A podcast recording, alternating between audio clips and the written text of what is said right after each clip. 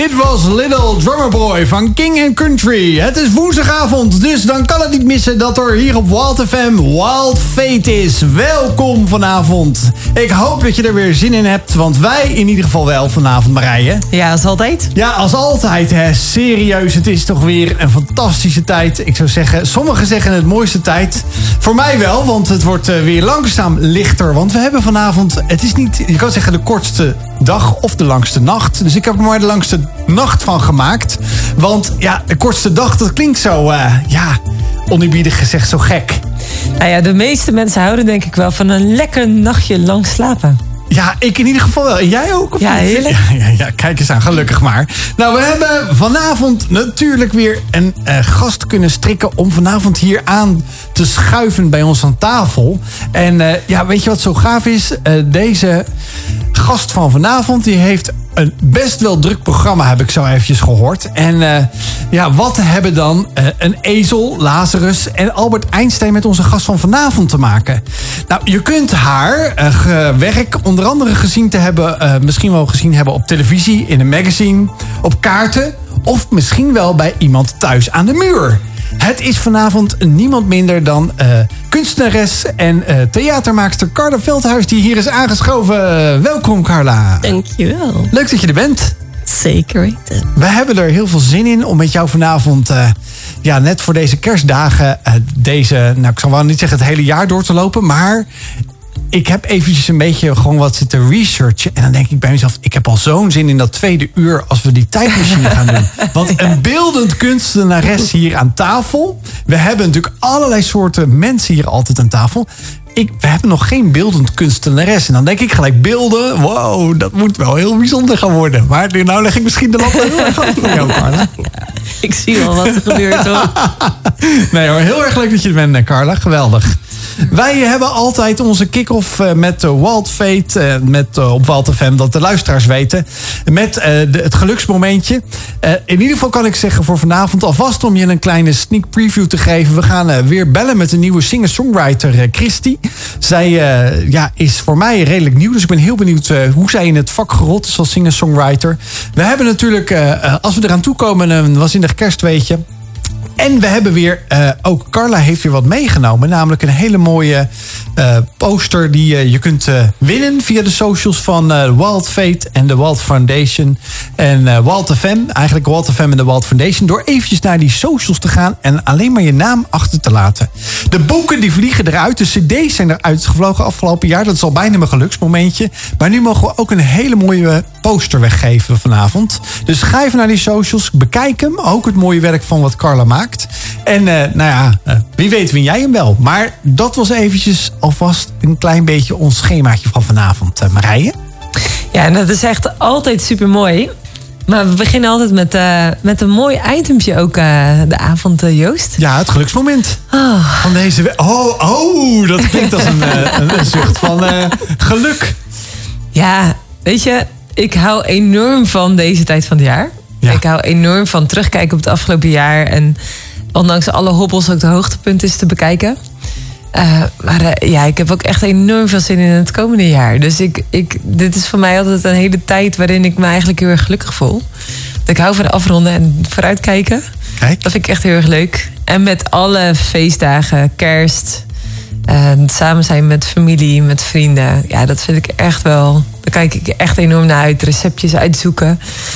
Eh, dus nou ja, ik zoek nog een, een heerlijk recept voor een, voor een, een fantastische soep. Dus mocht je nu vanavond luisteren en je zegt... ja, maar ik heb echt de soep die je moet proberen. 0639392050. Dus 0639392050. laat die soepjes receptjes komen. nu, Ja, daarom. Kom maar door, kom door. Want ik, eh, ik hou enorm van koken. Ik word heel graag geïnspireerd. En ik ben nog steeds een beetje zoekende naar... Ja, wat is dan dat fantastische soepje... waar ik mijn schoonfamilie mee kan eh, verlekkeren. Dus eh, help me, help me. En Carla, heb jij ook iets waarvan je zegt... ja, dat was echt mijn geluksmomentje vandaag... of wel eerder in de week? Of iets waarvan je zegt... Ja, nou, dit wil ik echt wereldkundig maken. Nou, het is niks bijzonders eigenlijk. Maar ehm, ik heb al twee maanden dat mijn oor echt helemaal dicht zat. En op een gegeven moment zit je zo in je hoofd, hè? Dat je echt denkt, nou, horen jullie nou werkelijk in mijn hoofd of zo? En uh, dus ik was naar de dokter en die zei, ik moet gewoon even met zout spoelen. Dus ik kan het spoelen. En het ging inderdaad een stuk beter. Dus uh, langzaam maar zeker gaat mijn oor weer open. Wauw. Zo blij geworden. Ja, zeker. Wat fijn. En ook vanavond is dat wel fijn dat je ons uh, Nou, goed kunt horen. Hé, wat zeg je? hey, en Joost, eh, wil jij de mooie afsluiter geven voor, eh, voor vandaag? Ja, nou, ik heb, een, eh, ik heb natuurlijk. Wij, we, we weten dat er heel veel werkgevers hun best, best doen om de, ja, de werknemers natuurlijk tevreden te houden en blij te houden. Waren het niet dat we vanavond bij Walter Fem weer binnenkwamen en de directeur hemzelf hier ook nog was en de CEO zelfs van Wa- Walter Fem. En die zeiden zowel tegen mij, maar ook tegen jou, Marije, van. Hier hebben wij een hele wal, wand staan met eh, ja, kerstpakketten voor al onze medewerkers. En eh, ja, uiteraard eh, horen jullie daar ook bij met Walt, F, met Walt Veet op Walt FM. Dus jullie mogen er ook eentje. Hier hebben jullie hem persoonlijk overhandigd. Nou, en dat vond ik toch wel erg heel bijzonder, want ik had daar helemaal niet op gerekend. Dat zijn de leuke verrassingen. Dat is echt een, een, een geluksmomentje van vandaag. Wat zeg ik, van een paar uur geleden. Dus ik eh, ben weer helemaal in mijn nopjes. Want eh, ik heb ik nog een pakket om thuis eh, te laten uitpakken. Want Oeh. meestal vinden, vinden thuis vond het geweldig om lekker uit te gaan pakken. Dus ze Mooi. weten alvast wat ze morgen kunnen gaan doen. Wij hebben vanavond een fantastisch mooie avond voor de boeg. Met een hele bomvolle uitzendingen. Onder andere met eh, Christmas music, kerstmuziek. Maar ja, daar is, zit altijd wel een, eh, ja, een sleutel aan vast. Is namelijk dat eh, liedjes, nummers gecreëerd moeten worden. En daar heb je sing- en songwriters bij nodig. Nou, en het gave is dat wij heel veel artiesten hier afgelopen jaar... onder andere live in onze uitzending hebben gehad. En we hebben veel Nederlandse artiesten ook gedraaid in onze uitzending. En nou, van het een komt het ander. Want het leuke was dat namelijk Marieke Sleurink hier ook was. Die vertelde ook heel veel wat ze doet. En eh, hoe ze singer-songwriter geworden is. En eh, nou ja, van het een komt het ander, zoals ik al zeg. En eh, zij zei tegen mij, ze appte mij van... hé, hey, ik heb een vriendin, een goede bekende... Christy, zou je ook haar eens nou, willen luisteren en in de uitzending kunnen halen... met ook haar passie voor muziek? En dat gaan we zeker doen, want we hebben Christy ingebeld. Goedenavond. Nou, goedenavond. Leuk dat je er bent, bij ja. bent. Nou, wat een leuke introductie al. Ja, nou ja, dat, eh, daar ben ik wel. een- Dat is bijna mijn specialiteit, zou ik wel, wel willen zeggen. Hoop ik ook een beetje dat mensen dat ook zo ervaren. Dat ze zich eh, ja, geliefd voelen en dat ze welkom geheten worden. En ik vind het heel tof dat je ook eventjes eh, bij ons in de uitzending bent vanavond, Christy. Ja, nou dankjewel. En want ik zei al een beetje van, nou, we hebben Marieke hier gehad. Die heeft wat verteld over singer-songwriter zijn. Is singer-songwriter ook voor jou een, ja, een dagelijkse passie? Of doe je daarnaast ook nog wat? Eh, nou, het is wel zeker een dagelijkse passie. Maar daarnaast eh, werk ik ook in mijn eigen zanglespraktijk. Kijk, dus je bent eh, wel met muziek dag en nacht bijna bezig. Ja, ja, zeker. Ja, ja, het is echt wel inderdaad iets wat, wat helemaal verweven is inderdaad met mijn leven. Ja. We hebben hier ook eh Lisbeth eh Koedoot van, eh, van Lef ook een keer te gast gehad. En zij zei zelf wel van... ik heb vaak een, een, een melodielijn, of zou ik zeggen de tekst in mijn hoofd. Dan heb ik het geluk van mijn man, die, die speelt de muziek dan vaak daarop. En hoe zit dat bij jou? Hoe komt een lied tot, ja, tot bloei of tot groei bij jou? hoe gaat dat zo'n proces? Eh, nou, dat, ik moet zeggen, het is wel heel verschillend hoe een liedje bij mij tot stand komt. Maar ik herken inderdaad wel wat ze zegt van... Soms dan eh, hoor ik al inderdaad de melodie komen... en dan moet ik heel snel, nou ja, ofwel eh, mijn telefoon erbij pakken. Ik heb echt mo- momenten gehad dat ik de auto aan de kant moest zetten... en het heel snel moest inzingen. Dan wilde ik het niet kwijtraken. En dan kwam ik thuis en dan ging ik snel achter de piano of op de gitaar... eh, ja, de, eigenlijk de akkoorden erbij zoeken. Ehm, dus wat ik soms al in mijn hoofd hoor en het dan te vertalen naar eh, instrument.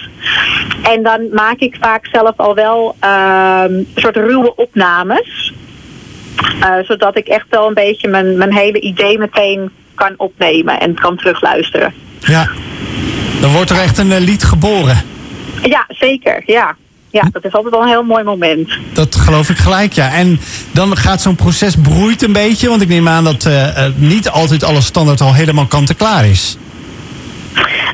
Nee, ik moet zeggen, het krijgt ook vaak echt wel gaandeweg vorm. En dan merk ik van nou, wat, ja, wat gaat het precies worden? Welke kant gaat het op? Ja, precies. Ja. En dan gaat, gaat dat alleen met een. eh, jij, jij als sing- en songwriter, of heb je daar ook een hele band soms bij? Eh, nou, ik moet zeggen dat ehm, ik, ik werk zeker inderdaad gewoon met andere muzikanten. En dan is het wel zo dat ik eigenlijk al met een soort hele demo eigenlijk kom. Van nou, dit is eigenlijk mijn idee. En dan gaan we het eigenlijk samen verder inkleuren, om het zo maar te zeggen. Ja. ja het is echt een eh, vorm van kunst ook, hè, de muziek maken. Ja, ja zeker. Ja. Ja. En eh, zoals ik al zei, eh, er eh, daar wordt een nieuw lied geboren. Nou zitten we ook in de tijd van kerst, waarin we zeker kijken in de geboorte van Jezus. Hoe, hoe kijk jij naar kerstmuziek? En heb je misschien ook wel favoriete kerstmuziek waarvan je zegt van wauw, hier vind ik ja, echt een stukje bijzondere elementen in terug. Heb je daar misschien wel een lied van, wat je zegt van ik geniet van dat kerstlied? ja, ik denk dat een van mijn favorieten is Mary Did You Know van Mark Lowry. Mhm. En ik denk dat dat voor mij ook iets van, ehm, ja, misschien wel weergeeft dat, dat Jezus daar eigenlijk heel dichtbij komt. Als eh, ja, Maria eigenlijk gewoon naar haar kindje kijkt en ja, besefte ze toen van dat ze eigenlijk naar ja, het gezicht van God keek. Vind ik een heel, heel mooi lied. Ja, en ik, heb, ik weet dat er ook heel veel varianten van Mary Did You Know ondertussen zijn gemaakt. Ja, ja, dat zijn heel veel uitvoeringen. Ja, klopt. Ja, en is er ook al eentje van Christy gemaakt? Heb jij er ook al eentje op, ge- op ge- gezet of niet? Dat toch niet. Maar eh, dat zou zomaar eens in de toekomst kunnen. Ik vind het een prachtig lied. Ja. Wij, eh, als wij meer van jou willen luisteren, want we gaan eh, zo meteen een van jouw nummers die we hier op de playlist hebben staan luisteren. Maar als Mhm. mensen nou meer van jou willen, willen horen, dan kunnen ze denk ik, neem ik aan, naar de bekende muziekplatforms. Ja, ze kunnen gewoon zoeken inderdaad op mijn naam, Christy. Dus dat is C-H-R-I-S-T-I-E. Ja. En je kan me inderdaad vinden gewoon op mijn website met christymusic.nl. Kijk eens aan. Nou, dan is het, eh, kunnen in ieder geval mensen die eh, misschien ook wel geraakt zijn door eh, het nummer wat je hebt uitgekozen. Ik zie jou nog steeds. Mhm. Dan kunnen ze dan mogelijk ook hier natuurlijk terugluisteren naar Walt Fate. Maar anders kunnen ze jou ook zoeken. Wat is, de, wat is jouw input eh, naar aanleiding van dit nummer? Hoe, eh, hoe, wat is de, de geschiedenis achter dit nummer? Nou, dit is eigenlijk een lied wat eh, van mijn nieuwe album is. Dat heet Onze Verhalen. En eh, de afgelopen twee jaar heb ik diverse mensen ontmoet. En een lied geschreven naar aanleiding van hun verhaal. En Ik zie jou nog steeds heb ik geschreven eh, toen ik een jonge vrouw eh, bezocht. Zij woont in een zorginstelling. En zij heeft een aantal jaar geleden een ernstig ongeluk gehad. Eh, daar raakte ze door in coma. En nu heeft ze een, ja, eigenlijk een heel verlaagd bewustzijn. En samen met haar moeder ben ik naar, ehm, nou, naar haar toe gegaan. En ehm, nou, eigenlijk toen ik in haar kamer kwam, toen zag ik allemaal spulletjes staan in een kastje. En die liet eigenlijk iets zien van haar leven. Dus foto's van vrienden en familie, eh, dingen van haar werk en hobby's.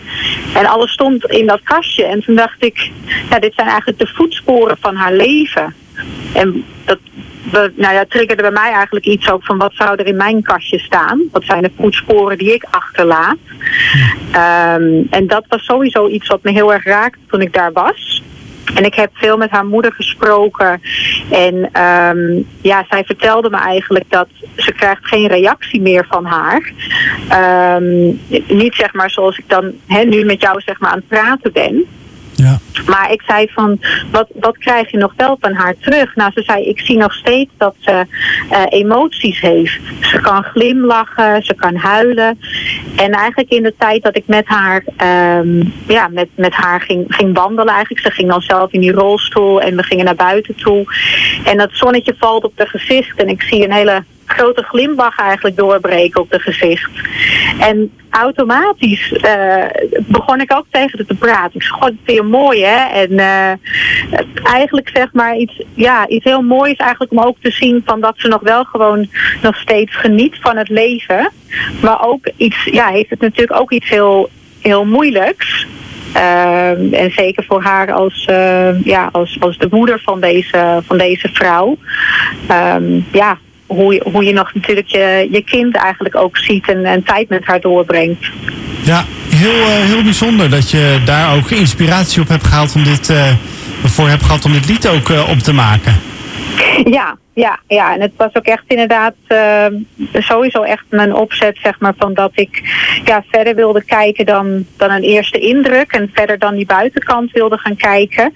En daardoor ook ehm, echt open wilde staan om deze liedjes te gaan schrijven. Juist echt over iemands, iemands verhaal. Ja, heel mooi. Zou je het nummer willen aankondigen hier op uh, Wild FM eh, met, eh, in ons programma Wild Fate? Ik ben Christy en je gaat luisteren naar mijn nummer Ik zie jou nog steeds.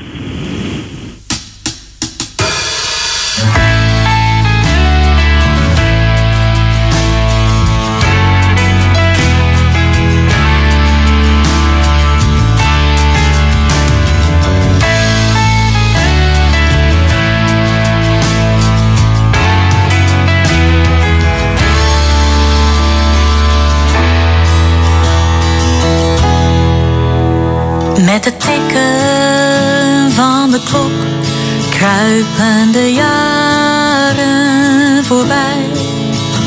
En ieder jaargetij lijk je wat kwetsbaarder te zijn. Ik zit naast je en lees je voor uit de krant. En vertel je wat er deze dag gebeurde. En wrijf zachtjes over je hand.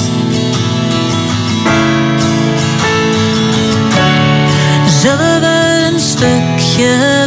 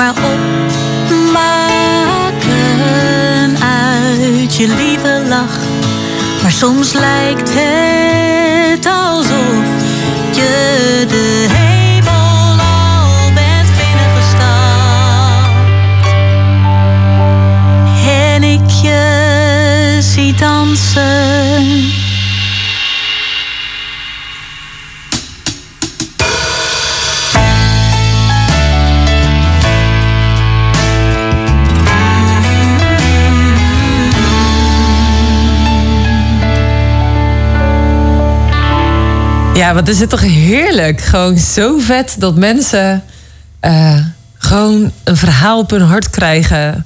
Iets zien, iets eh, daarin geraakt worden. En echt zeggen, ja, weet je, ik ga hier gewoon muziek van maken. Ja. Ik vind dat echt. Ik, vind, ik zei net al tijdens de muziek echt gewoon kippenvel. Hoe, hoe zij ook dat dan. ze- En Carla zei dat ook. Hè, je ziet wat en je gaat daar gelijk mee. Ja, op zo'n moeilijke plek in een ziekenkamer. Ja, Hè? En dan ja. zie je zoveel leed. En, en ze krijgt eigenlijk een gedachte van God. En ze gaat er een lied van maken. Ik vind het zo mooi. Ja. En ook dan, dan daarna nog een avond van maken... waar ze andere mensen weer in betrekt. In, inspireert, denk ik ook. Ja. Ja. Ja, maar laten we even eerlijk zijn. Carla, al heb je dus over kunstvormen. Muziek is een kunstvorm. Maar ook bij jou, bij jou is het zo dat je mensen kunt raken zonder woorden. Mhm. Gewoon met een beeld. Dus dat is ook een kunstvorm. En muziek raakt het hart heel diep. Maar dit gaat echt over een beeld zien. En een beeld wat dan wellicht meer dan duizend woorden kan zeggen. Klopt, ja. Dat is, eh, je hebt al heel veel gedaan. Eh, Ik heb jou leren kennen toen ik twintig was. Toen hebben we samengewerkt in een, eh, in een productie. Ja. Het kerstevent eh, toen. Dus ja, dit is helemaal de setting nu. Nu in de dagen rondom kerst. Als je nu kijkt door al die jaren heen. Wat is je mooiste productie geweest? Of je mooiste iets wat je hebt gecreëerd? Ik denk eh Wandeltheater de Rosa. En dan zit daar een eh, galerij in. Dat is rondom Pasen. Ja, dat is een eh, paasproductie en die heb ik speciaal gemaakt zonder woorden, zodat mensen gewoon kunnen komen kijken of ze nou gelovig zijn of niet. En ik werkte toen met levende standbeelden. En die zien er dan zo echt uit dat mensen echt ook denken van is, is nou steen of is nou marmer? Dus dat is die skill die ook heel leuk is en die trekt ook heel veel mensen. En het leuke daaraan vond ik van je kan dat helemaal in een eh, verhaal gieten zonder dat er ook maar gepraat wordt. Dus mensen konden zo heerlijk zo door die galerij met al die beelden wandelen. En daaronder stond dan wat het betekende. Mensen konden nog eens wat over opzoeken. En eh, ja, daar heb ik zoveel reactie op gehad. Ook dat mensen gewoon letterlijk stonden te snikken bij een beeld. Hè? Dat ze zeiden, mogen we foto's maken? Ja, natuurlijk mag je foto's maken. Weet je Ik dat- kan me een, een beeld herinneren van een klein meisje met een musje op haar Mm, hand, Ja, dat was mijn nichtje. En, en wat, wat betekent dat beeld? Van, want een levend standbeeld is een mens die beschilderd is. Klopt. En die dus stilzit in één houding. Of wellicht een keer van houding verwisselt. Ja, mijn, mijn beelden doen altijd de posewissels. Want anders is het heel moeilijk een verhaal te vertellen. Dus je vertelt altijd een overgang of zo naar iets mooiers. Hè? En het musje is eigenlijk een eh, ding uit de Bijbel. Waar, waarover de mus staat. Dat zelfs zo'n klein ding als een mus. in Gods ogen nog steeds heel belangrijk is. En dat hij ieder musje kent. Terwijl je denkt, ik kom uit één grote massa. Dat God eigenlijk zegt, ja, maar zelfs in die massa zie ik die eenling. En eh, dat beeldje eh, liet dat musje eigenlijk zien van eh, ik, ik ben ook als ik arm ben of straatkind of niet gezien, nog steeds gezien in, in de hemelse wereld. Dus eh, ja, dat was mijn nichtje die dat deed. En eh, dat jaar eh, hebben we dat beeld ook echt in één component gegoten samen met een andere acteur. En toen kregen wij in ons bakje, in onze sokkel, zeg maar, waar die beelden op stonden, een, een briefje. En daar stond op van jurylid van de, van de wereldkampioenschappen. Dus ik keek zo en stond op, ja, willen jullie alsjeblieft je melden? Want we willen dat jullie meedoen. Echt waar? Ja, ja, ja. Dus wij zo van, eh, hallo, we zijn eh, dat beeld. We zijn dat beeld. En ja, we willen wel meedoen. Was dat jaar in Nederland. Dus we hebben dat beeld gedaan. En dat ging ook over het musje. Maar er staat dan een heel grote engel achter. Dus dat je nog meer ziet van in de geestelijke wereld. Is dat, is dat kind, hoe onaanzienlijk ook, is het wel gekend. En eh, die engel houdt dan een lantaarn bij. Dus dat ze gewoon in het licht zit. En eh, dus wij erheen naar de wereldkampioenschappen. En toen eh, wonnen we Nederlands kampioenschap. Nee, echt Ja, we wonnen drie prijzen in die avond. Wow. Ja, ja. Dus Zo. dat... dat eh, ja, Dus je gaat de volgende keer vlieg je naar de, waar het dan is met een. eh, een Nee, ben je productie. mal. Ik heb zat te doen. Maar dat vond ik wel heel, mooi. vet. Ook ja. voor het team wel heel cool. Dat, Ja. dat wat je doet niet even. ja, we hadden geen idee van waar staan wij tussen al die landen, weet je wel. Sta je naast Rusland en China. Ja. En eh, ja, dat was echt heel bijzonder. Cool? Echt zo mooi. Nou, mochten jullie zeggen levende standbeelden, voorstellingen, shortfilms, schilderijen, sculpturen... ga dan even naar de website van carlaveldhuis.nl of check even de Instagram-pagina, de stories nu. En dan zie je in ieder geval één beeld voorbij komen. En dat is ook een poster die we vanavond weg mogen geven van een beeld wat je ook hebt gemaakt. Mhm. Eh, hoe is dat beeld ontstaan? Nou, dat beeld is eigenlijk ontstaan uit een soort nood. Want eh, mijn man die sprak voor eh, jongeren. En eh, dat ging eigenlijk over identiteit. Hè? Dat, dat het goed is om, om heel te worden van binnen. Hè? Als mensen zo verwond zijn. En ook een stukje lijden meenemen, depressie. En eh, toen sprak hij eigenlijk vanuit de identiteit van, van God. Dus dat, dat God van ieder mens houdt. Dus dat, dat beeld. En dat God een vader is voor ieder mens. En toen zei hij zoiets van... nou, ehm, iedereen die dat wil, die mag naar voren komen... en die krijgt een heuk. En die krijgt een heuk van een gezonde ouder. En dan had hij allemaal mensen vooraan gevraagd. Vaders en moeders. En we, eh, counselors, zo van die, die veilig waren. En dan mochten jongeren daar naar voren komen. En ik dacht, dat doe je toch niet, weet je wel. Er komt toch niemand op af, hè? Ja, dat is een soort van een hele grote stap. Ja. God openbaart En zichzelf onbekende, dan. ja. Eh, eh, hè, want je zegt hij God als vader. Ja, ja. Eh, daar had hij over gesproken. En dan wilde hij dan eigenlijk verduidelijken door zo'n heuk. Dat God als vader een, een warme omhelzing geeft hè, aan mensen. En eh dus hij deed die uitnodiging. En ik kwamen echt talloze jongen, honderden, naar voren. En dan allemaal keurig in de rij staan voor een heuk van een, eigenlijk een vreemde, weet je wel. Dus op dat moment dacht ik echt, wauw, dit is wel een gat, hé. Dit is gewoon een gat in ons collectieve besef van mensen. Dat we, de- ik geloof gewoon dat God, God als vader zich echt ook wil tonen aan, aan, mensen. Maar dan, eh, dan zo'n omarming. Dus ik dacht, dat, dat kan ik uitbeelden. En Ik ben meestal met theater bezig. Ik ben theatermaker. Maar ik dacht, dat lukt niet. Hè? Ik wil iets maken. Iets tastbaars. Dus toen ging mijn man op vakantie. En eh, toen zei ik tegen hem, haal maar een blok klei. En dan toeloe, hè, voor een week. en eh, ja, toen ben ik eigenlijk gewoon begonnen met een, met een sculptuur te maken. Levensgroot. Dus even groot als ikzelf. Alleen dan een torso noemen we dat. Ja, hè? dus de, de romp, de zeg maar. bovenkant. Ja, ja. Ja, En dat is de sculptuur. Dus, en die noemen wij eigenlijk de sculptuur van de verloren zoon. Die thuis komt, zeg maar. Ja, dat is een bijbelverhaal in Lucas 10. Als je zegt van hè, de verloren zoon, wat Ja. is dat eigenlijk? In de Bijbel, in het Nieuwe Testament, staan heel veel eh, verhalen van Jezus opgetekend. en hij vertelt dus het verhaal van de verloren zoon. Ja. Eh, en dat heb je dus uitgebeeld. Klopt, ja. En eh, dat, dat verhaal van de verloren zoon gaat eigenlijk over dat zo'n zo'n jonge man eigenlijk... eh, ik weet niet of dat het moment is hoor. Maar de, de, de verhouding kwijt is met zijn vader. Een hele liefdevolle vader. Dat hij zegt van, eh, nou geef me nu maar mijn erfenis. Ik ben nog niet dood, maar ik heb liever nu. En eh, zijn vader die, die houdt van die jongen en die laat hem toch gaan. En die jongen die gaat dan eh, ja, bij de wereld in. Valt eigenlijk helemaal terug in zijn, in zijn doen. En die gaat allemaal dingen doen die niet zo slim zijn. Grenzeloos gedrag. En uiteindelijk belandt hij in de goot. Helemaal verpauperd. En als hij daar zit, dan, dan krijgt hij gewoon heimwee naar het huis van zijn vader. En naar het karakter van zijn vader. En dan neemt hij die stap om terug te gaan. En terwijl die wandelt, staat er dan in, in Lucas. Dan, dan herinnert hij zich ook een heleboel. En dan, dan gaat hij zitten oefenen. Van ga ik dan zeggen, als ik mijn vader zie. Hè, zo van, ja, ik heb gewoon dit fout en dat fout. En mag ik dan misschien nog een knechtje zijn? Zo van personeel of zo. Hè, de vaderrol, dat zal wel niet meer lukken.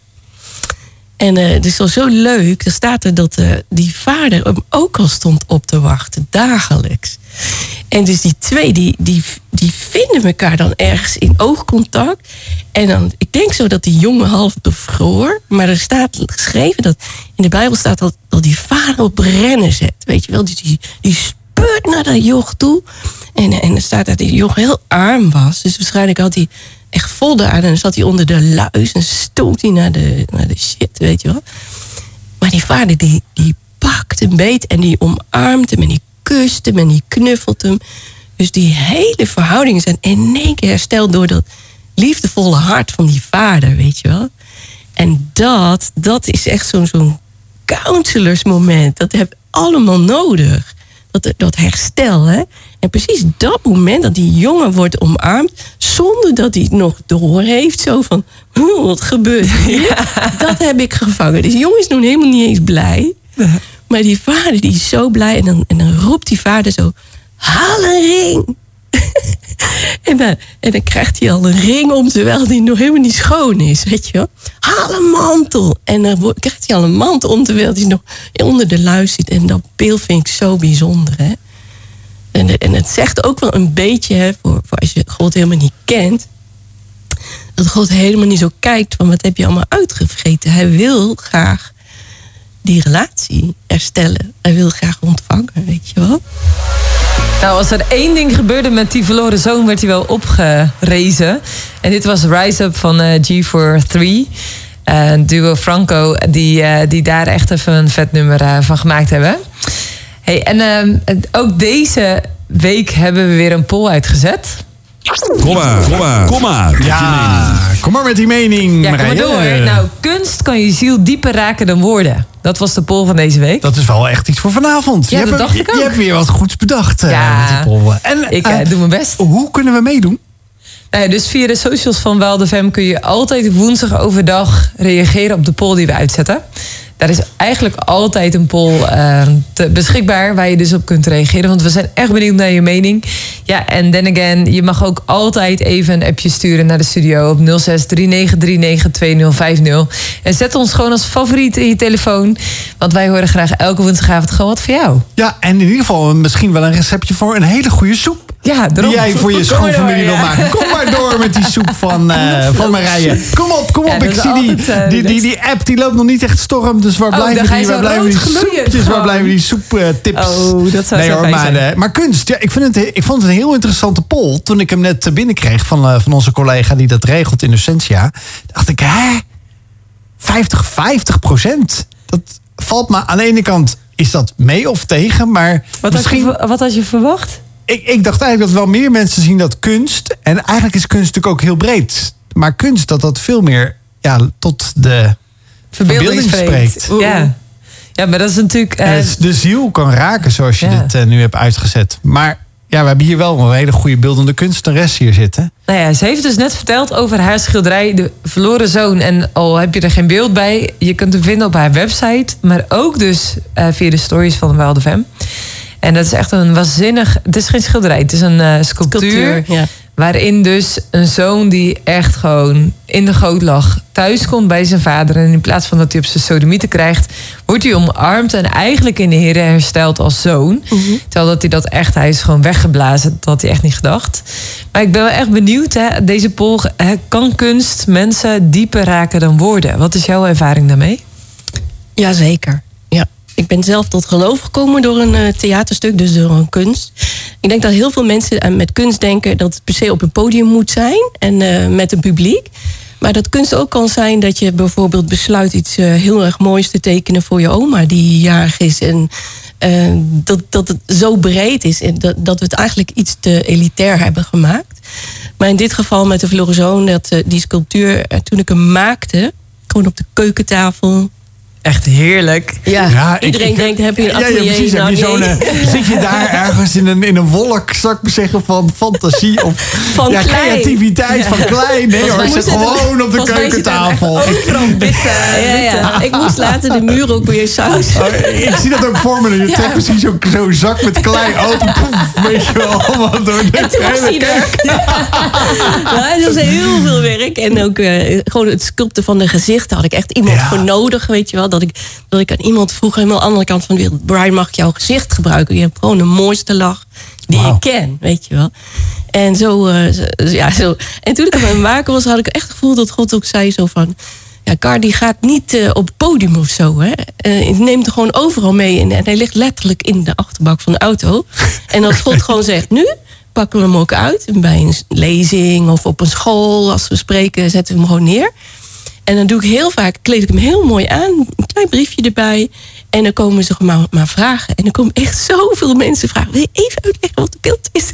Ja, en dan hangt fantastisch. mantel in. Dus eh, die, dat beeld is van klei, zeg maar. Maar er hangt een, een, een stoffen mantel, een hele mooie. En wat we de laatste tijd heel veel doen, is dat we die omhangen bij mensen. Dat ze ook echt iets mogen ervaren van... hé, hey, maar jij bent ook eigenlijk gemaakt in Gods beeld. Wil jij die mantel dragen? En wat er heel vaak gebeurt, is dat mensen elkaar de mantel weer gaan omhangen. Dus er gebeuren heel bijzondere dingen. En eh, wat ik één keer heb meegemaakt. eh, dus, eh, veel dat mensen diep geraakt zijn. Ook op selfies nemen. Moslims ook vragen: mag ik het beeld lenen? Mag ik dit? En, maar dat, dat één is dat er een vrouw was met een zwaar autistische man. En die zei ook van, eh, hij kan helemaal niks. Hij, hij kan eigenlijk niet kijken, niet praten, niks. Maar toen hij bij dat beeld stond, keek hij er heel lang aan, recht in het gezicht.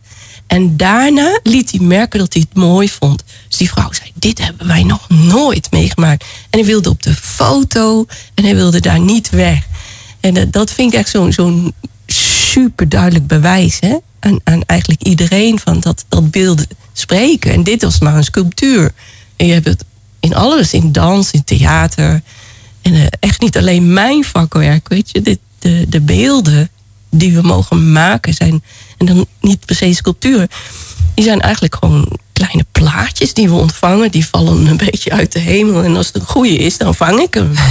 Denk, ik, die is voor mij. Ik, ik heb even nog een vraagje, Carla. Over je, je zegt dat ik heb het in de, op de keukentafel of aan de keukentafel Mhm. gemaakt. Dat, ik, ik kan me voorstellen, eh, ik ben zelf ook wel met creatieve processen bezig. Dat is vaak, soms is het in één keer in een uur gedaan, maar soms is het ook dagen. Mhm. Ik neem aan dat dat beeld ook wel dagen gekost heeft. Ja, dat was precies een week. Mijn eh, familie, of mijn, mijn zoon en man gingen op vakantie. Ja, En eh, toen dacht ik, nou, dit is mijn moment. En het was een hele hete zomer. oké. En eh, dus dan kon ik elke keer met een laagje klei werken. En dan zet ik hem buiten en dan harde het uit. Binnen een half uur kon ik weer verder. Terwijl normaal moet er een dag overheen gaan. Dus dat was sowieso wel heel uniek. En eh, ja, het was eigenlijk gewoon my favorite. En Ja. later is er ook nog zo'n eh, replica van gemaakt. Zeg maar een 3D-print. En die heeft op de Floriade gestaan. Dus het was voor mij ook weer zo wonderlijk. Hè? Dat, dat dat zo nodig is. Mensen ook echt een, eh, een, een beeld geeft van...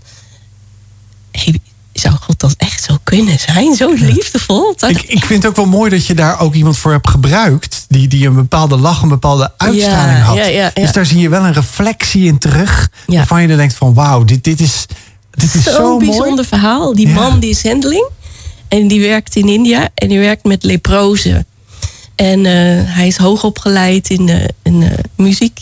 En zij spelen. En zij, zij spelen voor de leprozen. En zo'n liefdevolle man. Dat ik dacht, nou, ik ken geen gezicht als het zijn. Wie- moet het toch nemen, weet je wel? Dus dat was heel mooi ja, dat ik hem vroeg. En dat hij zei, oh, echt waar? Maar ik ben helemaal niet mooi. ik zei, Oh, ja, jij heerlijk. bent echt geweldig. En, en, wat, en wat, was, wat was zijn reactie toen het klaar was? Toen je, neem ik aan, een foto van, he- van, het, Ja, van het beeld ja. hebt gestuurd naar hem? Of, of ik weet niet hoe. Ja, hij ze misschien vonden live het heeft heel gezien. mooi. Ik heb ook een Oh, ja. replica voor hun eh, laten maken in het klein. En die is nu bij hun, bij de leprozen. Dus die Ah. gebruiken zij ook in, eh, in hun setting. Zo, hè. Ja. Wat een impact dan in één keer zo. Ja. Een moment bij jou aan de keukentafel. En dat het, eh, dat het momentum daar is. En, en dat dat hele proces helemaal zo ook in elkaar valt. Inclusief de klei, wat je zegt. Want dat hoort helemaal bij dat, bij dat creatieve proces. Ja. Warme zomer, hup naar buiten. en dan kan je daardoor dat hele, die laagjes helemaal eh, ja, afpellen, zou ik maar zeggen. En ik heb wel eens gehoord dat eh, voor kunst is het gezicht maken is een van de allermoeilijkste dingen. Ook om alles in helemaal in ja, perspectief te maken. Ja. Dat, dat, dat het niet zo vanzelfsprekend is. Uiteraard word je daarvoor getraind of ben je daar didactisch misschien heel goed in. Maar dat is wel een van de moeilijkste dingen. Ja, ja, ik heb het nog nooit gedaan. Dan moet ik wel eerlijk zeggen dat het voor mij het nieuw was. Maar ik heb wel altijd heel veel gewerkt met ehm, acteurs, met ja, gezichten sminken, met trainen in expressie. Dus ik had waarschijnlijk toch wel veel zicht op het, de, de, de, de dynamiek van een gezicht en de anatomie. En eh, ja, dat was voor mij ook een groot avontuur. Ik, ik maak zo'n ding ook niet echt heel vaak. Maar dat was wel echt mijn favorite. Wauw, mooi hoor. Ja, je hebt onlangs ook echt heel veel producties gemaakt, ook die op tv uitgezonden zijn. Ook in de afgelopen maand eh, ben je daar druk mee bezig geweest. Ja. Daar gaan we straks nog wat verder eh, mee induiken. Bijzonder is, ik heb een schilderij van Carla in mijn coachruimte hangen. En die heet Garment of Joy. En dat is op fluweel geschilderd. Nou, volgens mij is dat echt... Iedereen vraagt aan mij... Oh, mag ik het even, mag ik het even aaien? Ja. Want sommige gedeelten zijn dus nog echt fluweel. Vleug? Zou, zou, Ja. Zijn nog echt zacht. Andere stukken zijn overheen geschilderd in meer of mindere mate. En er hangt ook nog een zwart kleed overheen. Een, een soort van ma- mantel, zwarte mantel. Ja. Ehm, wat is het verhaal achter eh, dat schilderij Garment of Joy?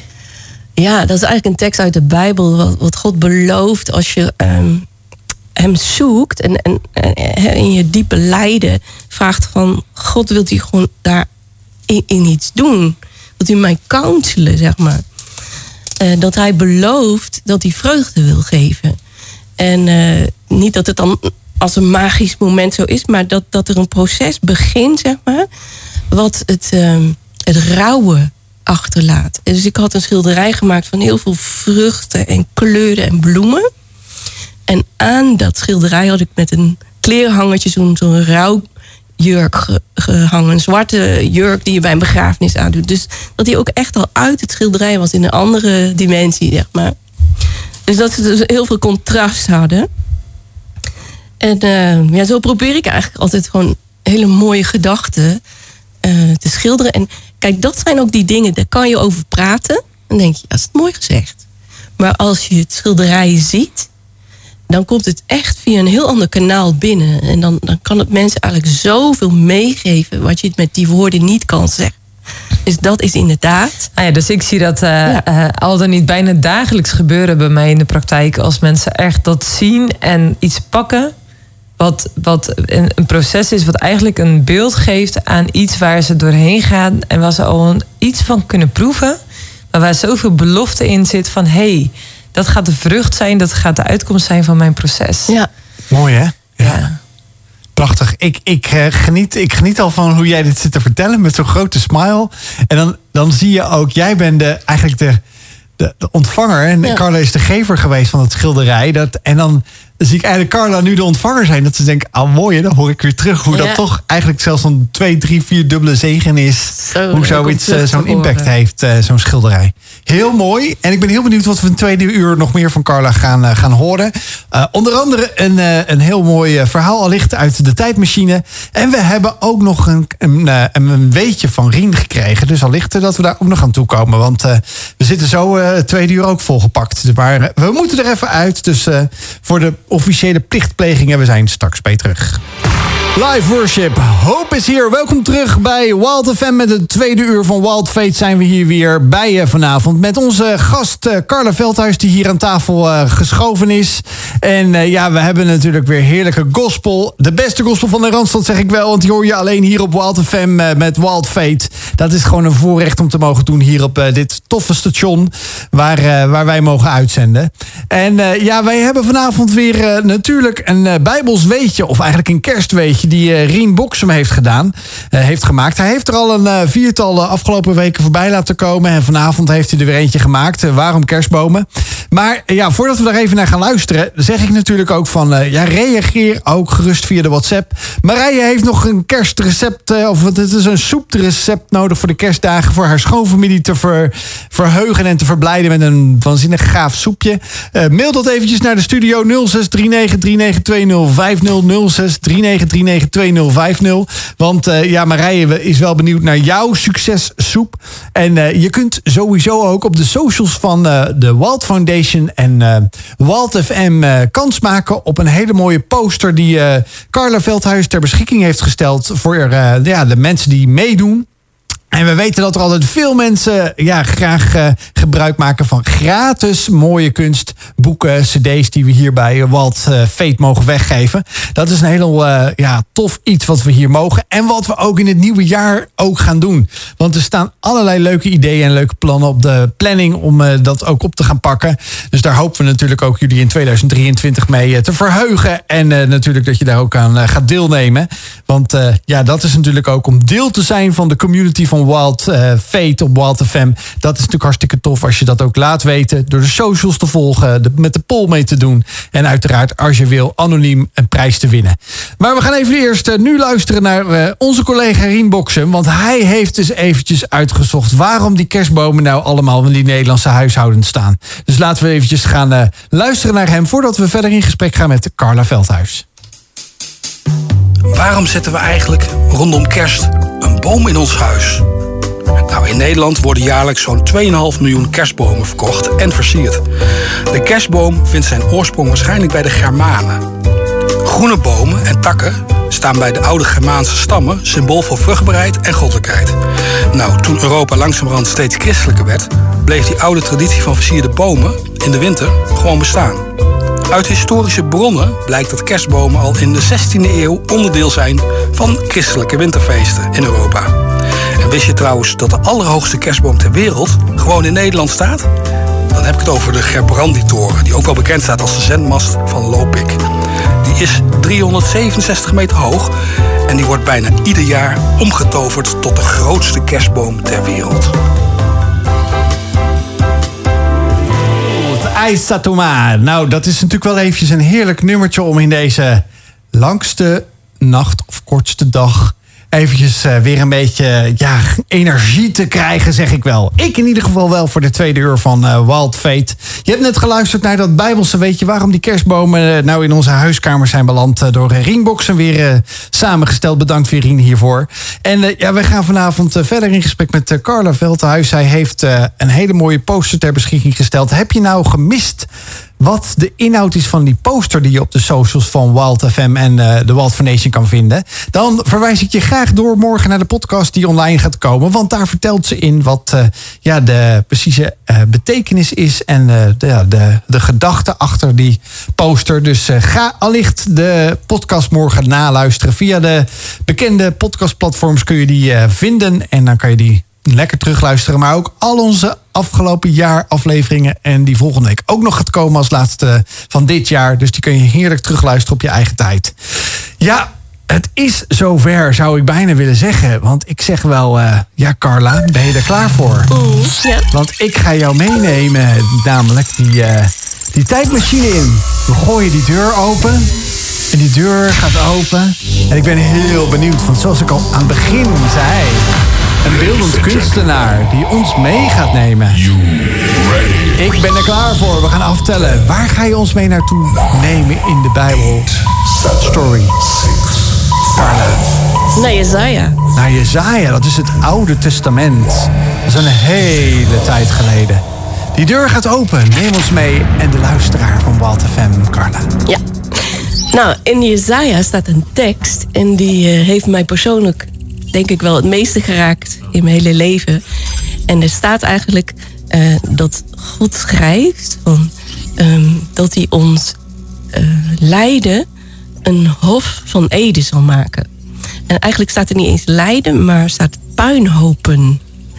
En eh, toen ik tot de geloof kwam, toen wist ik eigenlijk helemaal niet meer wat ik ermee moest doen. Ik zag allemaal christenen om me heen en die hadden het helemaal fijn en goed. En die konden zingen en de Bijbel lezen. En ik snapte er echt helemaal niks van. En eh, op een gegeven moment was ik helemaal in mijn eentje. En toen wilde ik graag iets uit de Bijbel ontvangen. En ik wist helemaal niet hoe. En ik zei tegen God, ik heb zo'n verdriet nog in mijn leven. En ik zie allemaal mensen gelukkig worden als ze u kennen. Maar ik, ik heb dat helemaal niet. Ik, mijn leven is een puinhoop. En ik sloeg die Bijbel zo open. En ik zette er gewoon mijn vinger op een tekst. En eh, ik had net gezegd, mijn leven is een puinhoop. En dan stond er... Ik maak jouw puinhopen als een hof van Ede. Dus ik dacht echt, dat kan niet, hè? Dat is gewoon toeval. En als ik dan terugkijk, was het zo mooi. eh, ja, dat ik eigenlijk helemaal niks van God wist. Ik was zo'n jong gelovige. En dat God dan meteen zo al eigenlijk tegen mij een belofte eh, liet lezen van... eh, heb een beetje langer termijn denken. En weet dat niet alles in één keer opgelost hoeft te zijn. Je mag net als bij die verloren zoon wandelen. Gewoon stap voor stap elke dag eventjes weer terugkomen in die hurk, in die warmte van God. En ik leer het je wel. En uiteindelijk, als ik terugkijk, denk ik, het is echt mijn levenstekst. Hij maakt puinhopen als een Hof van Ede. En de Hof van Ede is eigenlijk, ja, dat is waar die schepping is. Waar alles goed was. Waar, waar herstel is en schoonheid. Ja, die Lauren Daigle. Ik weet niet of dat je het hoort aan haar stem. Maar dit is haar nummer Light of the World. En eh, ja, dat is echt zo'n nummer waar je naar kunt blijven luisteren. Dus zoek hem vooral nog een keertje op als je dacht... ah, dit was echt zo'n heerlijk nummer.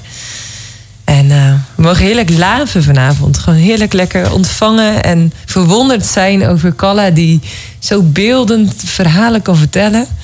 En ook dat ze zo hoopvol net deelt van... Hè, ik, ik, mijn leven was een puinhoop. En ik sloeg de Bijbel open en daar stond een tekst dat God zei... ik maak voor jou puinhopen een hof van Ede. En dat is ook, nou, net even onder de muziek, zei Carla ook... ja, eigenlijk is dat ook wat je in al mijn schilderijen ziet. Dus ga vooral via, naar haar website kalleveldhuis.nl... en dan kun je op schilderijen klikken... en dan zie je echt pagina's aan schilderijen die allemaal dat ook in zich hebben. Gewoon. Ja, want, hoe, zo- hoe, want je hebt toch al wat gecreëerd. Ja, maar ik, ik ben eigenlijk theatermaker. En door corona viel al ons eh, werk om eigenlijk. Hè. Dus de hele agenda was leeg. En toen zijn we eigenlijk begonnen met ons werk te filmen. Toen dacht ik, ja, dat heeft nut. Zetten we het uit op social media. Maar tussendoor dacht ik echt, maar die verhalen die blijven wel. Dus ik ben begonnen met schilderen. Nog maar een paar jaar terug. Ja, en heel corona eigenlijk geschilderd. En, eh, Maar volgens mij is het een beetje hetzelfde als dat je bent gaan beeldhouden. Dat je dacht, ik heb het nog nooit gedaan, maar ik denk dat ik het wel kan. eh, ja, ja, ik, ja. Beetje zo'n wel-. Ja, ik had wel als kind veel geschilderd, maar echt sindsdien niet meer. En eh, ja, het is zo'n fijne uitlaatklep hoor. Als je gewoon een goed verhaal hebt en, en mensen genieten ervan. Dat is wel heel erg mooi. Ja. Dus- En je, vertelde in het eerste uur ook dat je zelf ook door kunst tot geloof bent gekomen. Ja, klopt. Ja. Kun, je, kun je ons eens meenemen naar Ja. eh, jouw leven, misschien zelfs voordat je tot geloof kwam? Ja, en, ja. eh, en nou ja, dat verhaal. Ik ben niet christelijk opgevoed, inderdaad. En ik kom uit het zuiden van Nederland. En daar eh, hadden we ook weinig mensen die gelovig waren, tenzij katholiek. Dus eh, ik had eigenlijk heel weinig ideeën bij geloven. En eh, op een gegeven moment kwam een broer van mij tot geloof.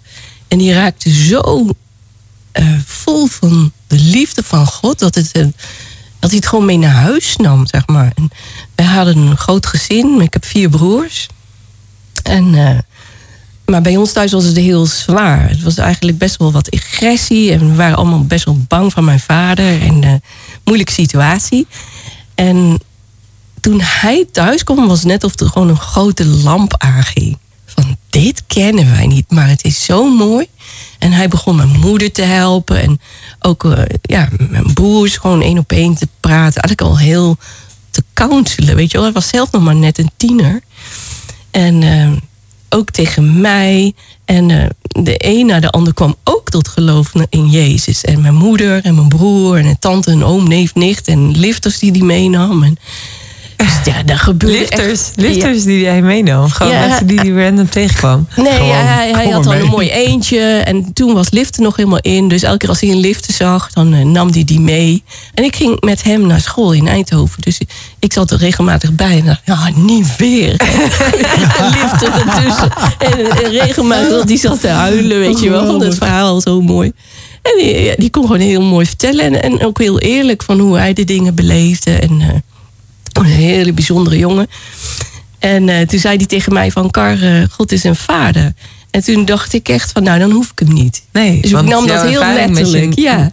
Met je levende vader, met je eigen Ja. vader was nou niet zo positief. Als was je zegt, want heel was pijnlijk, moeizaam. Ja, dus met, met al mijn broers wel hoor. En, de, en dus ik had heel duidelijk ook die deur dicht gedaan in mijn hart, zeg maar. Van, maar, maar mijn broer vind ik wel leuk. En, en ik zag hem ook steeds meer genezen, weet je wel. Dat je niet meer zo lijdt onder die situatie. En hij ging heel vaak met mij wandelen s'avonds. En dan kon ik mijn ei bij hem kwijt. Op een gegeven moment zei hij van... Kar, je moet eens even naar een eh, jongerendienst. Die is in eh, Leiden. Ik denk dat ik daar onderweg naar ergens toe eh, heen ben gegaan. In mijn eentje. En dat was in de universiteit. En eh, in zo'n auditorium, weet je wel. En daar in die jongerendienst werd een theaterstuk gedaan. En dat was een heel mooi stuk met... eh, je zou kunnen zeggen het evangelie in een notendop van de schepping van God. En eh, dat hij met de mens wandelde. En dan dat het allemaal misging, maar dat God als ware insprong en, en die hele zaak redde. Dat kon je ook goed volgen. Het was helemaal zonder woorden. Op muziek, heel professioneel. Daar was ik heel gevoelig voor. En dan midden in dat stuk zag je zo van, nou, Adam had het helemaal verprutst. En, en Jezus kwam daar aan. werd ook helemaal niet moeilijk gedaan, omdat Jezus werd uitgebeeld, weet je wel. En eh, die schept zo die jongen van de grond en die trekt hem in zijn arm en die huilt over dit joch zo. En toen dacht ik echt, nou snap ik het niet meer. Dus ik vroeg zo aan iemand die naast me zat van, eh, maar wie is het dan? Zei die, dat is Jezus. En dat ik echt dacht, ja, maar dat hebben ze mij nooit Wauw. Al die dogma's, die hoor je dan maar.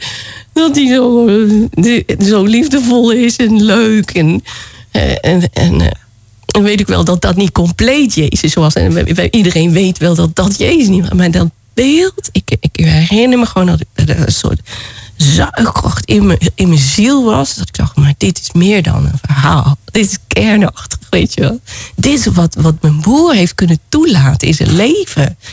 En aan het eind zei die voorganger iets heel markants. En die zei van... eh, nou, ik ga mijn preek wegleggen. En dat vond ik zo mooi als ik dan terugkijk en zei... want we hebben genoeg gezien. En we gaan God zoeken. En op dat moment dacht ik nog even... oh nee toch, hè, we moeten een speurtocht doen. ik ga God zoeken. En dan zul je net zien, trek ik een deur open... en dan heb ik hem gevonden. Ik weet nog helemaal niks, weet je wel. En eh, nou ja, iedereen bleef natuurlijk zitten. En eh, mensen deden hun ogen dicht en er werd muziek gespeeld. En heel veel mensen begonnen een, een overgave aan God te doen. Een soort gebed. En daar werden ze in meegenomen. Maar jij, jij had dat nog nooit gezien? Nee, ik zat, me, ik zat me heel strak te houden. Zo van als ik maar naar buiten kan. Maar ik had mijn oren wel open. En eh, dus ik ging naar mijn auto. Uiteindelijk na het programma. En ik kon niet meer rijden. Ik was zo aangeraakt door de, door de inhoud. Weet je wel, dat ik dacht, dit is meer dan een verhaal. Ik, echt, net of echt tot een climax kwam van... nou is het tijd voor jou. Het is, klaar met die weerstand. en eh, daar heb ik mijn hoofd op het stuur gelegd. En eh, ja, toen had ik echt de ervaring dat God ook iets terug zei. Dat hij, dat echt ook zei van... hé, hey, dat wil ik voor jou ook zijn. Zo met het, met het joch op de grond. Ik wil je ook in mijn armen nemen. En wil je dat dan? En zo, zo zachtjes aan had ik ook iets teruggezegd. Zo, ik voelde echt, hey, ik ben aan het bidden geloof ik, weet je wel. En zo stiekem tot de Heer gekomen, noemen we dat dan. En eh, Dat is bizar. Dat je, dat je had dus echt al, ook al bovennatuurlijke ervaring. ja, Toen je ja, helemaal overrompeld eigenlijk in je auto zat. ja, Na dat theaterstuk, na die dienst. Ja. Na, na dat al dat onbekende wat je daarna zag gebeuren. Dat mensen zich overgaven aan God. Maar dat je dus merkte, hé, ik zeg dus iets. Maar God zegt ook iets terug. ja, en dat had ik wel eens gezien bij mijn broer... dat het dan heel spannend was thuis. En dan ging hij naar boven en hij naar boven... en de deur dicht, ging hij bidden, weet je wel. En dan hoorde ik dat wel eens, want dan zat je gewoon één kamer verder.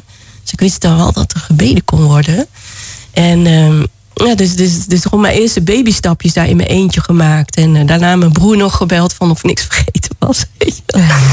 en die was ook zo blij. En eh, ja, in eerste instantie dacht ik heel sterk van... nou moet ik gaan doen zoals hij is. Dus, dus al die liefde die hij in één keer zo naar binnen zoog... dat moet ik dan ook hebben. Nou, dat had ik helemaal niet. En ook... eh, Oh, iedereen overal over vertellen. ja, Ja. nou ook niet. Nee. En ook eh, eh, helemaal niet een gevoel van dat alles nieuw was. Dus ik, ik twijfelde daar ook heel erg aan. Ik dacht echt, volgens mij heb ik een afslag gemist in die cursus of zo, weet je wel. En eh, daarom is denk ik het verhaal van de verloren zoon voor mij zo belangrijk. Omdat in, in dat verhaal zit zo mooi dat proces. Weet je wel, dat God eigenlijk zegt, wandel nou maar met mij. Ik ben een vader, weet je wel. Elke dag ben ik er weer. En jouw proces is weer anders dan dat van je broer. En daar heb ik zo lang over gedaan. En dat ik durf te zeggen, nou oké, ik had zoveel heling nodig. Ik heb bijna twee jaar gehuild. Counseling, weet je wel. Maar eh, ja, echt heel bijzonder om terug te kijken. Ik ben nooit vergeten dat het kan. Dat je met theater kan eh, doorbraken hebben. En dat ben ik zelf gaan najagen. Ik wist ook gewoon, dit is mijn doel. Dit is niet voor mij alleen. Ja. En als ik ga theater maken, ik heb niet zo heel veel tijd. Had ik gewoon gezegd, ah, dan doe ik het liever met, met, een- met een boodschap. Er hoeft niet per se altijd Jezus in voor te komen. Maar iets gezonds. Mooie principes. Waar mensen beter van worden. Waar mensen heel erg komen- kunnen lachen. Ik hou heel erg van humor. Maar ook als ze daarna iets over God ontvangen, denken van, zou dat nou toch echt zo werken? Ik ga toch eens kijken, weet je wel? En dat doe ik het allerliefst. En eh, wij merken dat ook heel veel, dat, dat dat effect niet alleen voor mij was, maar dat, dat het zo werkt, weet je wel? Dus inderdaad, vanaf het begin hebben we gezegd, kan kunst dus eh, zo beeldend spreken? Ja, absoluut. En ik denk zelfs voor heel veel mensen beter. Ja, we zijn in gesprek met eh, Carla Veldhuizen en ze vertelde zo heel mooi voor dit prachtige nummer wat eigenlijk hierop aansluit. Help me. Eigenlijk zegt ze dat, zei ze niet zo, zo dat heel erg direct, maar ze zei wel van ik heb gewoon Gods hulp nodig gehad om deze mooie dingen te creëren. Ja. Met passie en met eh, ja, gewoon echt voor een ander. En dat vind ik zo mooi. Je, je zegt zelf wel van. eh, zeg ik het wel goed of gaat het wel goed? Ja, Carla, je spreekt zo uit je hart. Dat is zo mooi om dat vanavond hier bij Walt FM, eh, bij Walt Feit hier eh, te horen aan tafel. En ik vind het alleen maar mooi dat je daarin je hart laat spreken. Ik zei natuurlijk in de introductie zei ik, wat hebben een ezel en Lazarus en eh, eh, Albert Einstein. Einstein. ermee te maken. En Einstein komt omdat ik namelijk een hele mooie kaartenset van je heb gehad. En daarin is een hele leuke kaart. Ik weet niet eens of je hem zelf hebt gemaakt. Ja, kijk eens aan. Nou, het is een hele grappige kaart van een vogeltje met een, eh, met een motortje erachterop. En dan staat er een, cre- een creative is intelligence having fun. Albert Einstein uitspraak. Nou, Ja. dat hebben we dus alvast afgekaart. Ja. Ja. die eh, ezel, die wil ik misschien nog wel... Misschien komt hij nog langs, want dat is natuurlijk wel een apart verhaal. Maar Lazarus is ook een, een- toch ook wel, denk ik, een piketpaal in alles wat je doet. Want daarin heb je Mhm. ook ja, iets, daar heb je iets mee met Lazarus. En ja, dan moet ik wel zeggen, Lazarus is een tv-programma. Ja, En, maar eh, dat, eh, dat mag je uitleggen. Ja, Want ik ja, heb ook precies. gezegd, je kent haar misschien van tv. Van de televisie. misschien van een magazine. Of misschien heb je haar kunst wel aan jouw muur hangen. Oh ja, nou, Lazarus is een tv-programma van de EO. En Ja. eh, daar ben ik gevraagd om eh, aan mee te werken... eh, door elke keer een kleine theaterinzet te hebben. En daar wordt een bekende Nederlander geïnterviewd... aan de hand van een schilderij. En dat schilderij breng ik in. Dus dan komt er een eh, schilderij rond het thema Pasen. En eh, afgelopen maand hebben we schilderijen eh, rond het thema kerst. Dus ik mocht vier kerstschilderijen ehm, uitwerken met levende mensen. Dus ze staan echt stil en we kleden ze aan. En mijn man doet een fantastische belichting. En daar heb je dan dat de bekende Nederlander wordt geïnterviewd. En aan het eind van het interview mag hij naar de studio van de EO. En dan mag hij de zwarte gordijnen open doen. En dan staat daar ons levend schilderij. Dus dat is echt speciaal voor hem eigenlijk. Hè? Ook gekoppeld aan zijn verhaal. En dan lopen mensen gewoon naar naartoe. En dan ja, gaat het interview eigenlijk helemaal vanzelf. En soms mogen bekende Nederlanders dan ook in het schilderij. Dus daar hebben we ook hele ja, bijzondere ervaringen mee. Dat ze, dat gevraagd worden, wat zou je dan willen doen? Nou, ik zou eigenlijk wel heel graag die vader willen spelen. Of, of die zoon. Of iemand anders die erbij ging zitten liedje zingen. Wat er precies bij paste. Dus eh, ja, een hele mooie samenwerking. En eh, afgelopen maand hadden we een van die eh, filmopnames ook gemaakt met eh, bekende Nederlander. Nee, ik weet haar nou niet meer. Tineke Seelen was het geloof ik, van Vluchtelingenzorg. Ja. Echt een fantastisch interview. En zij zou dan naar binnen komen en dan zou ze eigenlijk Jozef en Maria zien met een ezel. En die stonden daar mooi klaar, levende ezel. En er ging eigenlijk over dat zij ook geen onderdak kregen. Dat ze dus eigenlijk op zoek waren. En niemand zei, ik heb geen plek. Dus zij loopt daar binnen en zei meteen, oh ja. Ze wist meteen waar het bij haar linkte, weet je wel. En tegelijkertijd zet eh, de lichtman even de rook aan. Dus dan hoor je zo... En die ezel die hoort dat, dus die oren gaan helemaal naar achteren zo. En even later gaat die staart omhoog. En 3,5 kilo in één bal komt er achteruit. Flats op de grond, midden in het interview. Dus eh, die vrouw die moest ook zo vreselijk lachen. En dat hebben ze gewoon zomaar gefilmd. Is, daar- het is ook echt opgenomen in de, in de, De uitzending. In de Ja, in de uitzending. Dus Oh, echt hilarisch. Dus Echt eh, gewoon, zeg maar, qua timing kon dat gewoon niet beter kon zijn. niet beter. Het was gewoon de afsluiting van het. Echt zo lollig. Ja, dan zie je gewoon dieren. Dat, dat kan je niet sturen. Maar dat is een heel mooie, Ja. heel mooie reactie ook van die mevrouw. E- Even een vraagje, eh, Carla, over Lazarus. Weet je waarom ze hebben gekozen? Of heb jij daar, heb jij daar inbreng in gehad in die titel van, van het programma? Nee hoor, dat is een programma van de EO. Dat bestaat al vrij lang. En eh, dat, nee, daar heb ik geen inspraak in. Nee, ik wou zeggen, want misschien, ik, ik ken ook niet direct, eh, ik, ik kijk heel eerlijk gezegd niet heel veel televisie.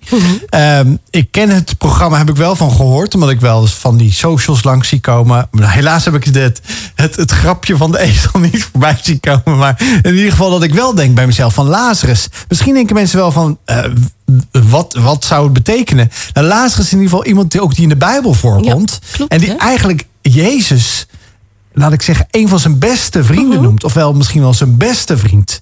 Ja, zijn hele familie, hè? Ja, zijn, ja Zusjes, klopt, ja. klopt. En Lazarus is natuurlijk ook iemand die overlijdt. En waarin eh, hij eigenlijk het levende getuige is dat Jezus de doden ook opwekt. Ja, En dat, eh, dat Jezus dan eh, eigenlijk, als hij al heel lang in het graf ligt, al een paar dagen, naar dat graf gaat. En Lazarus eigenlijk uit het graf klopt. roept. Dus dat de hè? kracht van geluid van de, de stem van God. Ja. Die is niet voor niets ook de. Ja, God heeft niet voor niks zijn stem gebruikt om de aarde te creëren zelfs. Nou, als het gaat over creativiteit, dan vind ik het waanzinnig gaaf dat jij en samen met je man, want die is eh een van de ge- eh, lichtmannen, Ja. of misschien wel de hoofdlichtman. Ja, ik weet niet of daar hoeveel men. Maar ik weet ook uit kunst hoe belangrijk goed uitlichten is van. Niet alleen van de, het kunst zelf, want ik weet dat kunstwerken ook vaak een bepaalde lichtinval hebben. Maar theater is nog, vaak nog complexer ook Ja. met allerlei invalshoeken. Ja, zet echt, echt de kleur neer en de toon. En eh, ja, dus hij is echt heel skilled daarin. Ja. Het is heel leuk om samen te doen. En jij hebt het over dat ene verhaal van, eh, van Jozef en Maria. Welk verhaal daarna is voor jou gelijk nog een, ja, gewoon een mooi getuigenis of iets waarvan je dan denkt van natuurlijk allemaal hebben ze wat, maar wat is nummer twee waarvan je gelijk aan waar je aan gelijk denkt? En nou, die, die laatste, en dat gaat dan eigenlijk, eh, dat is afgelopen maandag op tv geweest en dat gaat dan eigenlijk op de kerststal. En die, eh, die kun je eigenlijk zo zien als een oud kerststalletje van vroeger. Dus dan zie je ook wel eh, herdertjes en wijzen en Jozef en Maria. En die heb ik helemaal neergezet met mensen in levende standbeelden. Dus die zijn helemaal grijs. En eh, in het eh, in het midden ligt dan het babytje op een lichtbak. En daardoor lijkt het alsof het licht uit de baby zelf komt. Hè? Omdat met kerst zeggen we ook eigenlijk eh, licht der wereld. Dat is, een, dat is eigenlijk een gezegde over Jezus dat hij naar de aarde kwam met kerst. En dat hij eigenlijk het licht bracht in een hele donkere wereld. En dat dacht ik, hé, dat wil ik echt vangen in die kerststal. Eh, dus we hebben eigenlijk dat eh, blanke babytje, zo met een heel klein doekje om, eh, tussen die stenen beelden gelegd. Dus een heel mooi contrast. En zij staan stil en hij lag daar op een lichtbak te wiebelen met zijn pootjes, lekker dikke beentjes heen en weer. En toen kwam die BN'er dus binnen. Ja, dat was Jan. Ja, Jan Dulles. En eh, het was heel leuk, omdat we hadden echt heel veel moeite om eh, die kleine stil te krijgen. En we hadden ook echt zoiets, ja, ja, dan huilt hij maar. Het is toch gewoon, het is gewoon zoals het is, weet je wel. Dus wij leggen hem die even een tweede baby even uit de studio trekken. Ja. En denken, nou die is Ja. stil, lekker. Nee, oké. nee dat, dat wilde ik ook niet. We, twee baby's. Maar en, en we leggen hem zo op die bank. En in één keer zag iedereen om zich heen. Zo lag hij om zich heen te kijken. En Jan Dulles kwam binnen en ik keek hem zo aan. En ze keken elkaar hele tijd aan. En zijn verhaal was ook bijzonder van Jan. Nee, dat is eh, misschien bekend. Maar dat, dat, dat blende weer tot, tot eigenlijk een heel mooi idee van... eh, ja, licht ter wereld. Ja, mooi. Mooi dat ook. eh, ik, ik zie dat contrast ook helemaal voor me. Ik heb de aflevering niet gezien, maar dit triggert mij. En misschien ook wel de luisteraar van eh Walter Fam om eh, eh, Lazarus van, eh, van de EO. En dan eh, niet Aflevering alleen. 7 van Ja. afgelopen maandag 19 december van Jan Dulles. En dan kun je hem natuurlijk terugkijken via npostart.nl. Ja. En dan is het zeker een aanrader om en zijn verhaal te, te horen, maar dan ook wat gebeurt er dan dus. Ja, met zo'n levensschilderij. Ik vind het waanzinnig dat jullie daar eh, hebben aan meegewerkt. En, en daar, daar is gewoon wel een heel mooi nummer wat ik al heb klaarstaan. Ook past daar perfect in. Met een fantastische eh, mass choir, Joy to the World. Want dat is toch een heerlijk kerstnummer... wat ook gewoon hier op Wild Fate, op Wild FM gedraaid moet worden. Chicago Mass Choir hier op Wild FM met Wild Fate. Ja, dat is natuurlijk op en top gospel, zoals sommigen wel eens zeggen. Maar we draaien hier zo divers van Nederlandse singer-songwriters tot aan eh, internationale artiesten. Alleen hier op die eh, Wild Fate uitzendingen bij Wild FM. Vanavond zijn we in gesprek met uh, Carla Veldhuis. Ze heeft heel erg gepassioneerd verteld al over van allerlei mooie bijzonderheden waarin ze heeft meegewerkt. Hoe ze tot beeldende kunst komt eh, op de keukentafel. Hoe ze aan televisieprogramma's heeft meegewerkt. Daardoor heb je gelukkig ook met die ezel mijn verhaal, mijn verhaal in ieder geval alvast rondgekregen, Carla. Want ja, eh, ook eh, de uitzendingen van Wild Fate zijn helaas niet oneindig. Maar ja, je doet aan namelijk zoveel meer. En het is gaaf dat ja, eh, aan de ene kant soms denk ik wel eens luisteren eh, de luisteraar gelukkig maar niet mee tijdens die muziek. Want dan praten we altijd eventjes een beetje hè, hoe zitten we in de lijn, hebben we dingen doorgesproken. Maar ik, één ding wat mij in mijn hoofd gelijk blijft hangen is dat je zegt ja, ik ben ook bezig met eh, allerlei cre- creative uitingen met Creative School.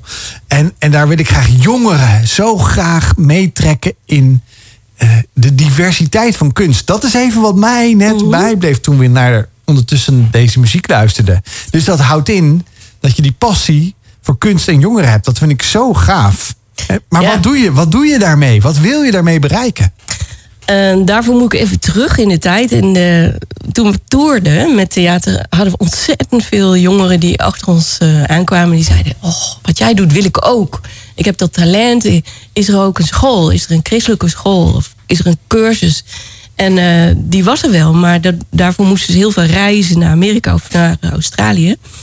En dus we zijn eerst een theaterweekend begonnen. En dat bestaat ook nog steeds.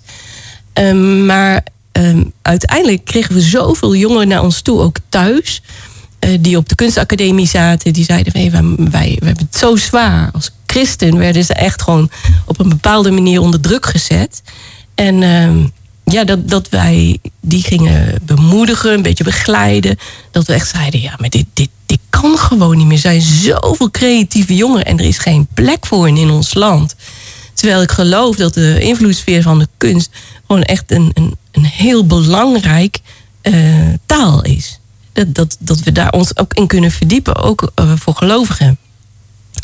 Dus we zijn vijf jaar geleden begonnen met een heel team van ondernemers en kunstenaars. Die zeiden van even gaan school starten. Dus we zijn langzaam begonnen met bouwen. Inmiddels is die school er ook en zit in Nieuwegein. En hebben we in september starten we een fulltime school voor de kunsten. Eh, helemaal christelijk. En Wat een uitstap, hè? Ja. Wauw. Ja. Want een school starten, dat klinkt zo, eh, we starten een school. Maar ja, een en we zijn school- al wel drie jaar bezig met eh, eh, weekenden en zaterdagtrainingen en avonden. Dus we hebben ook al een heel docentengroep en een schoolteam. Maar uiteindelijk willen we een fulltime school voor jongeren. Waar ze één jaar eigenlijk opgeleid worden in eh, allerlei kunstvormen zoals dans, theater of beeldend. Een hoofdrichting. En daarin eh, volgen ze weer heel veel workshops.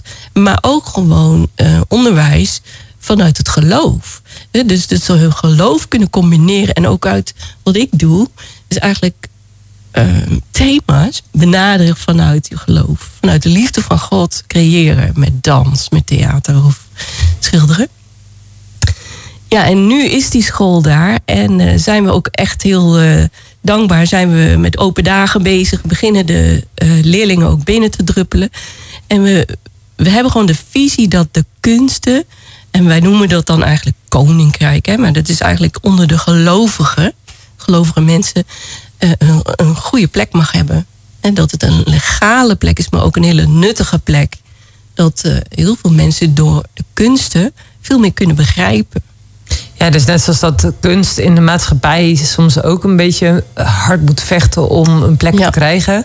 eh, is dat binnen de kerk of binnen de christenen ook wel een beetje zo? Dat, dat kunst niet altijd de waarde krijgt die het eigenlijk heeft. Mhm. Ja, vaak eh, wordt het gezien als een hobby of van, iets voor vrouwen, zo op een middagje. Eh, terwijl uiteindelijk het een seizoen is waar we heel veel zien dat, dat God eigenlijk beweegt. Dus mensen aanraakt, eh, bemoedigt, ook geneest. juist door kunstwerken. En dat betekent niet dat daar niks bij mag zijn. Hè? Er mag natuurlijk een gesproken woord zijn of zo. Maar dat die plek dus steeds groter wordt. Maar ook eh, steeds legitiemer, zeg maar. En ik kan wel voorstellen dat hè, je zegt zo eh, eh, God geneest. Dat kan misschien voor mensen die luisteren zijn echt ook wel een soort van hè. Mhm. Ik kan me voorstellen hè, dat ik moeilijkheden in mijn leven heb, maar genezen. Mhm. Dat is misschien wel een beetje de Hof van Ede waar je het net over had. Wat, wat houdt dat in als God dingen geneest? Hoe doet hij dat? Nou, dat, dat, dat, dat bijvoorbeeld schilderijen zijn die zo dichtbij komen, die jouw proces, maar ook jouw pijn zo duidelijk weergeven. En vaak in de schilderij zit dan ook het verhaal van het herstel. En dat mensen helemaal dat schilderij zich toe-eigenen en zeggen: hé, maar dit is mijn proces. Dit helpt mij gewoon verder als ik dat. Hè, Als ik het bijvoorbeeld op mijn bureau als kaart zet. En we zien mensen vaak ook een stuk innerlijke genezing ontvangen. Juist doordat ze dus eigenlijk zich dat toe-eigenen. Snap je? Ja, dat is mooi hoe je dat uitlegt. Ja, dus het toe-eigenen van... ik zie dus dat er hoop is. Of ik Ja. zie dat er erkenning is of herkenning is. Maar ook dat daar dus of een liefde is... of een mogen zijn... of een, eh, een waardigheid die je daar Ja, terugkrijgt. Waardigheid is ook een heel mooi woord. Ja. Ja, je, hebt, je hebt ook zo'n eh, poster, ook een schilderij... van een vrouw die een soort van pauwenjurk aan heeft... Mhm. Daar moet ik aan denken. Eh, ik heb natuurlijk je website lekker doorgesnuffeld met al die schilderijen. Gaat dat ook over waardigheid? Juist. Ja, gaat echt, die ging echt viraal. Ik, ik, ik- soms denk ik, ja, ik, ik doe nu wat. Maar ik heb geen idee wat dat dan voor een effect heeft. En eh, de stof van haar jurk. Dus je ziet een vrouw en die wandelt. En je ziet haar gezicht niet. Dus het kan eigenlijk iedereen zijn. En die stof van haar jurk is helemaal uit pauwenveren opgebouwd. En dat is natuurlijk de, de, de schoonheid van een pauw. eh, zegt ook wel de, de trots. De, je, mag er zijn. Je bent niet zomaar iemand. Hè, je bent hem helemaal mooi gemaakt. Er zit een plan achter jou. En dat zit helemaal in die jurk verwerkt. En zij wandelt en laat een heleboel kleur achter zich. En dat idee van die vrouw heb ik eigenlijk ook uit de Bijbel weer. En daar had ik gewoon heel veel inspiratie vandaan. En dat, dat ging gewoon viraal. Dat mensen zeiden van, maar dat, dat wil ik ook. Hè. Dat wil ik echt blijven beseffen door, door dat schilderij. Van, hè, dat ik ook mag wandelen uit mijn verleden in een nieuwe, nieuwe plek, nieuwe toekomst. En eh, weten dat, dat God trots op mij is. Ja. Echt heel mooi. Wat als mensen meer over jou of de eh, school willen weten... of over theaterweekenden, dat, dat is ook iets wat je nog doet. Mhm. Waar kunnen ze dan terecht? Eh, voor de school is het ehm, I am creativeschool.nl. En voor mij is het carlaveldthuis.nl. En daar staat ook alle trainingen en, en de kunstachtige dingen. En daar kunnen mensen ook schilderijen bij je kopen. Ja, uiteindelijk wel. Ja. ja. En sowieso kunnen ze je natuurlijk ook via de socials eh, volgen. Ja. Ik, ben, ik ben nog wel benieuwd, ehm, eh, voor die bijbelschool, is dat intern? Ga- gaan mensen dus echt een tijd in Nieuwegein wonen? Of is het een heen nee. en weer? Het is- we zijn expres in Nieuwegein gaan zitten, omdat het zo centraal is. Dus ook heel goed bereikbaar. Ja, het ligt net Dus, onder eh, Utrecht. Voor ja. mensen die denken, eh, Nieuwegein ligt het ook alweer. Ja, ja. Langs de A2, Ja. eh, A27, echt een heel mooi punt... Zeg maar, waar je eigenlijk op heel veel manieren kunt komen. Ja, het is heel goed bereikbaar. En we hebben ook echt hele mooie stages voor die jongeren. Dus dat ze, ze krijgen en les, maar gaan ook meteen zelf actief aan de slag met hun kunstvorm. En eh, we hebben creatieve coaches. Ja, als ik naar die Welke, en kijk, welke, welke mensen of welke docenten, mag je daar al wat van zeggen die eh, zich hebben gecommit? Of die zeggen van wij gaan ook gastlessen geven, weet je? Heb Ja, zeker. We hebben een heel scala van eh, 22 docenten. Zo. Jan Draaier, eh Beerte Papenhuizen. eh, jo- jonge mensen die net van de academie zijn. En ehm, ja, oude veteranen als ik. Ik ben eigenlijk gewoon een veteraan, weet je wel. En daarin zie je zo leuk, ze kunnen van elkaar leren. Maar we zijn wel allemaal christen. En dan merk je dat je toch een hele bijzondere dynamiek krijgt op die school ook. Het is gewoon een veilige manier van leren.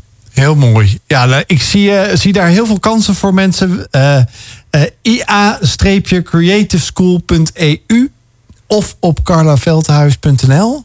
I am, Streepje. I, I am. Oh, sorry, dan is dit... eh, Klopt. ja, IA, zeg ik dan maar, I am. I am. Dan zijn Ja, we toch weer bij die I ezel, eh, Joost. Ja, creativeschool.eu of op Carla Veldhuis, daar kun je het ook vinden. Ja. Daar kan je in ieder geval meer informatie vinden en eh, open dagen nog bezoeken.